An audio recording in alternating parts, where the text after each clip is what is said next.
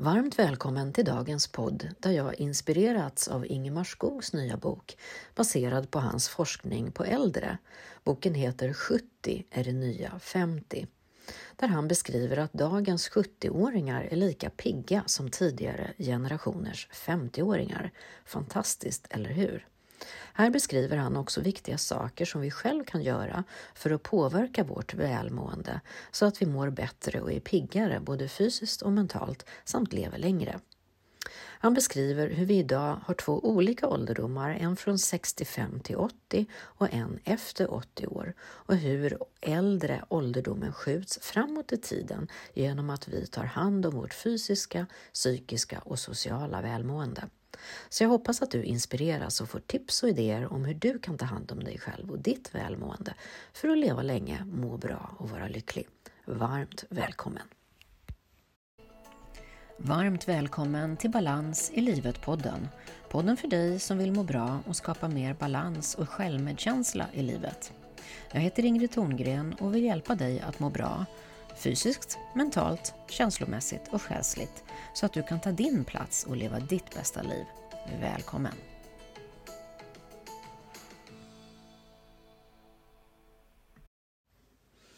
Under de senaste 50 åren har det skett dramatiska förbättringar av äldres hälsa i Sverige. Dagens 70-åringar har faktiskt lika friska kroppar och hjärnor som 50-åringar hade för några generationer sedan. Många av dagens 70-plussare vill ut och resa och hitta på roliga saker medan de ännu känner sig unga. Om det här berättar Ingmar Skog i sin nya bok som kom ut 1 november i år. 70 är det nya 50.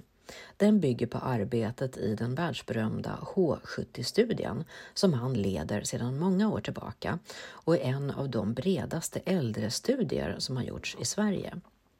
Ingemar Skog är professor i psykiatri vid Göteborgs universitet och föreståndare för Centrum för åldrande och hälsa. Han har haft ett uppskattat sommarprogram i radio och han förekommer ofta som expert i media, till exempel i tv-programmet Studio 65. Det är i den rollen han har forskat om åldrandet och jämfört 70-åringar födda ur olika tidsperioder. De första föddes i början av 1900-talet och nu är Ingmar inne på 70-åringar som är födda på 50-talet. Ingmars bok handlar om åldrandet och hur åldrandet har förändrats över tid. Och ett budskap är att det går att göra någonting åt åldrandet och det är ju det som intresserar mig. I dagens 70-åringar på många sätt skiljer sig från tidigare 70-åringar inte heller så konstigt. Många av de första 70-åringarna som Ingemar forskade på hade bott i slumområden i Göteborg under sin barndom. Sverige var ju ett fattigt land då i början på 1900-talet. Ingmars bok tar upp hur livet har förändrats för 70-åringar i olika årskullar. Saker som händer i vårt liv påverkar våra celler och hur vi åldras. Och det ser annorlunda ut nu än tidigare. Resultaten från intelligenstesterna är dubbelt så bra. De fysiska testerna har på bara några generationer visat på betydligt bättre resultat. För att inte tala om alla medicinska framsteg, skriver Ingmar. Det gör också att vår syn på oss själva och vårt liv ändras. Vi har blivit mer psykiskt stabila och vi förstår betydelsen och behovet av nära relationer. Och kvinnor tar för sig mer i livet nu än tidigare. Ingmar själv fyller just 70 år i februari nästa år, men han jobbar på för fullt. På ett år, det senaste året, har han spelat in 46 stycken tv-program och 28 radioprogram av Studio 65, där han är expert i varje program. Och I hans nya bok så har han sammanfattat sin forskning på äldre. Allt från forskning på cellnivå till hur samhällets förändringar har påverkat vårt hälsa och vårt välmående. Många 70-åringar är idag i mycket bättre form både fysiskt och psykiskt än tidigare generationer.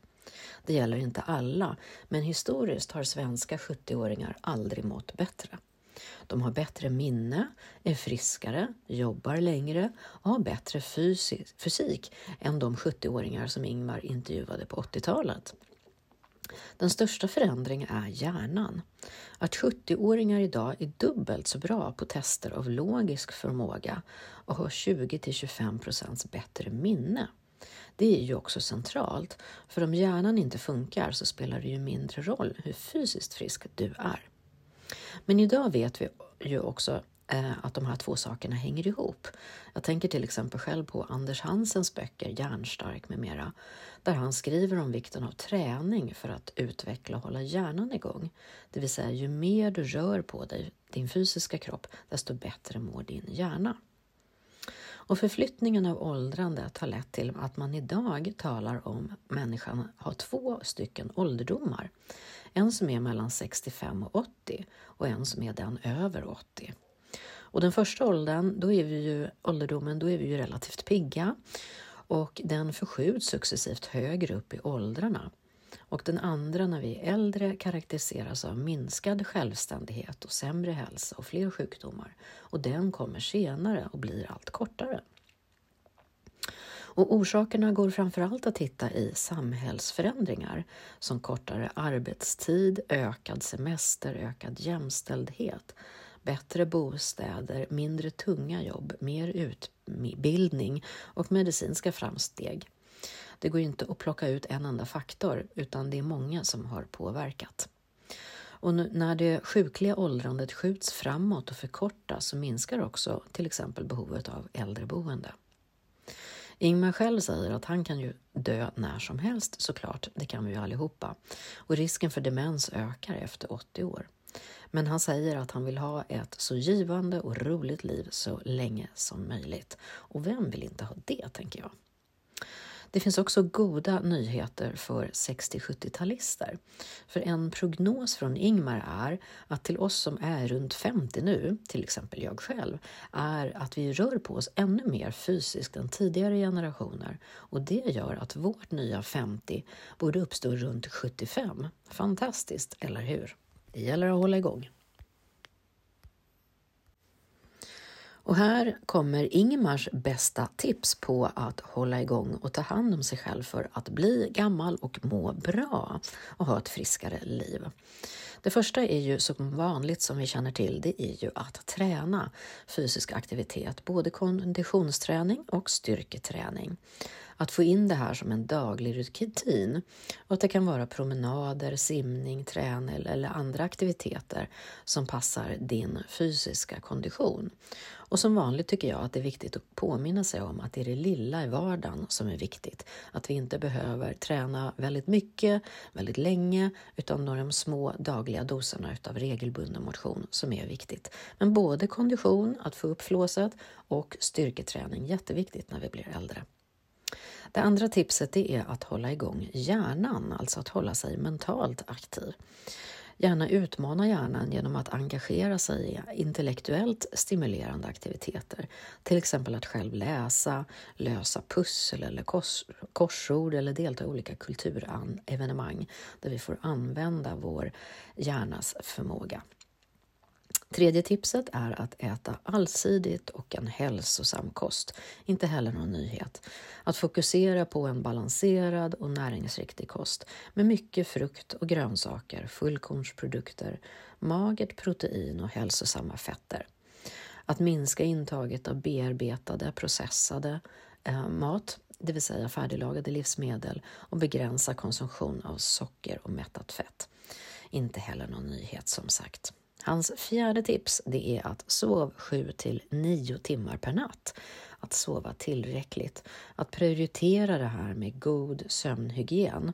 Att sträva efter att få tillräckligt med sömn varje natt. Sömn är ju avgörande för både vår fysiska och mentala återhämtning. Både den fysiska kroppen ska rensas, renas under natten och även hjärnan rensas när vi sover. Därför är det väldigt viktigt att sova gott, sova bra. Det femte tipset är att eh, regelbundet gå på hälsokontroller och att titta bland annat på hjärt och kärlsjukdomar och att behandla dem. För att gå till läkaren regelbundet och följa deras råd såklart med förebyggande råd och att söka professionell hjälp direkt om man har något hälsoproblem eller man är orolig över något. Det sjätte tipset det är att vara social, för att det är så viktigt med de här sociala relationerna. Att underhålla starka sociala band, engagera sig i gemenskap, interaktion med andra. Det har ju visat sig att det är väldigt kopplat till den ökade livslängden och välbefinnande. Att man känner att man har nära och meningsfulla relationer med familj eller vänner. Och sociala interaktioner kan ju också bidra till att minska känslor av isolering och depression. Och idag så behöver det inte vara att man ses utan det kan också vara att man ringer till varandra, att man hörs. Idag kan vi också facetima, skicka sms eller på andra sätt ha meddelande så att vi har i alla fall kontakt med varandra och känner oss mindre ensamma och har en gemenskap. Hans sjunde tips är att göra nya saker, att fortbilda sig. Det handlar om att fortsätta att stimulera intellektet genom att hålla sig engagerad i lärandet och i nya upplevelser. Det kan vara genom att gå kurser, seminarier, föreläsningar eller genom att utforska ett nytt intresse eller en ny hobby. Hans åttonde tips det är att inte röka och ha en måttlig alkoholkonsumtion, det vill säga att undvika riskbeteende. Att avstå från rökning och att begränsa sin alkoholkonsumtion så att säga. För det vet vi också att det påverkar hälsan negativt. Det nionde som jag själv skulle vilja lägga till, det är det som Ingmar själv beskriver i när han ser vad han eh, ser fram emot som äldre, nämligen det här med att ha något som är meningsfullt. Att reflektera över sin livsuppgift och vad som ger glädje och mening. Att ha en känsla av syfte i livet, det kan ju verkligen påverka välbefinnandet positivt.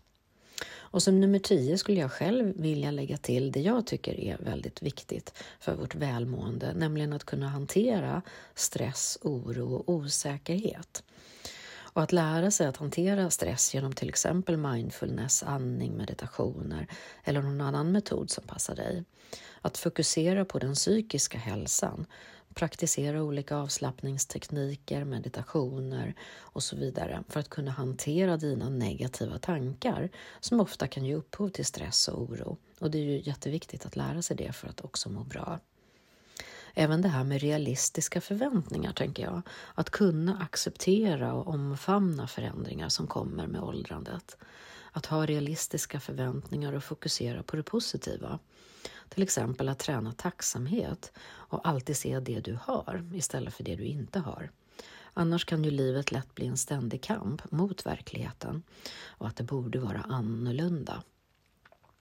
Så det här med den viktiga egenvården för att skapa en god balans i livet tror jag alltid är viktigt, även för äldre. När vi har tid för avkoppling och tid för egen reflektion för att skapa en bra balans mellan varandet och görandet. Så där har du 10 tips för ökat välmående för att vara pigg och frisk så länge som möjligt och för att flytta din ålderdom längre fram i tiden. Och det är som sagt någonting som vi kan påverka och göra redan nu oavsett vad vi har för en ålder. Och du som är intresserad av att veta mer om goda vanor för att bli gammal och frisk och vara lycklig, lyssna gärna på min podd nummer 46 där jag pratar om Okinawa, en ögrupp i södra Japan som länge varit känd för att ha en hög andel av människor som lever till en mycket hög ålder samtidigt som de upplever god hälsa och välbefinnande. Och det finns ju flera faktorer som kopplar samman Okinawas befolknings, deras hälsa och långa livslängd och välbefinnande med Ingmar Skogs studier. För det man har hittat i forskningen av äldre på Okinawa är de här följande fem punkterna.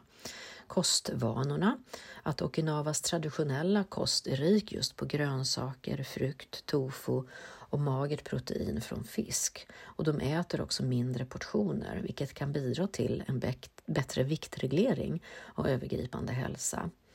De har någonting som nummer två som heter Hara Harabu och det är en filosofi från Okinawa som innebär att man äter tills man är 80 procent mätt. Och det här hjälper ju också till att undvika överätning och kan bidra till en lägre, längre livslängd. Nummer tre är att de också har det här med regelbunden motion. Att människorna på Okinawa upprätthåller ofta en aktiv livsstil genom att engagera sig i dagliga fysiska aktiviteter som till exempel trädgårdsarbete och promenader. Och regelbunden motion i, eh, främjar ju den fysiska hälsan och välbefinnandet.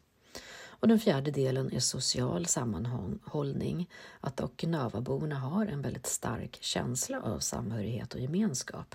Sociala relationer och starka familjeband bidrar till en känsla av mening och stöd, vilket är kopplat till både fysisk och mental hälsa. Och den femte delen är det här med självidentitet och meningsfullhet. Att människorna på Okinawa ofta har starka kulturella identiteter och lever ofta enligt ikigai och det är ett begrepp som refererar till en livsuppgift eller en mening att ha en känsla av mening och ett syfte i livet. Det kan verkligen främja lycka och välbefinnande. Man tänker att det finns en mening med allt som sker och då är det lättare att också kunna släppa taget, acceptera och vara tacksam. Det är såklart viktigt att komma ihåg att det alltid är individuella behov och omständigheter som varierar för hur vi ska hålla oss friska och hur gamla vi ska bli.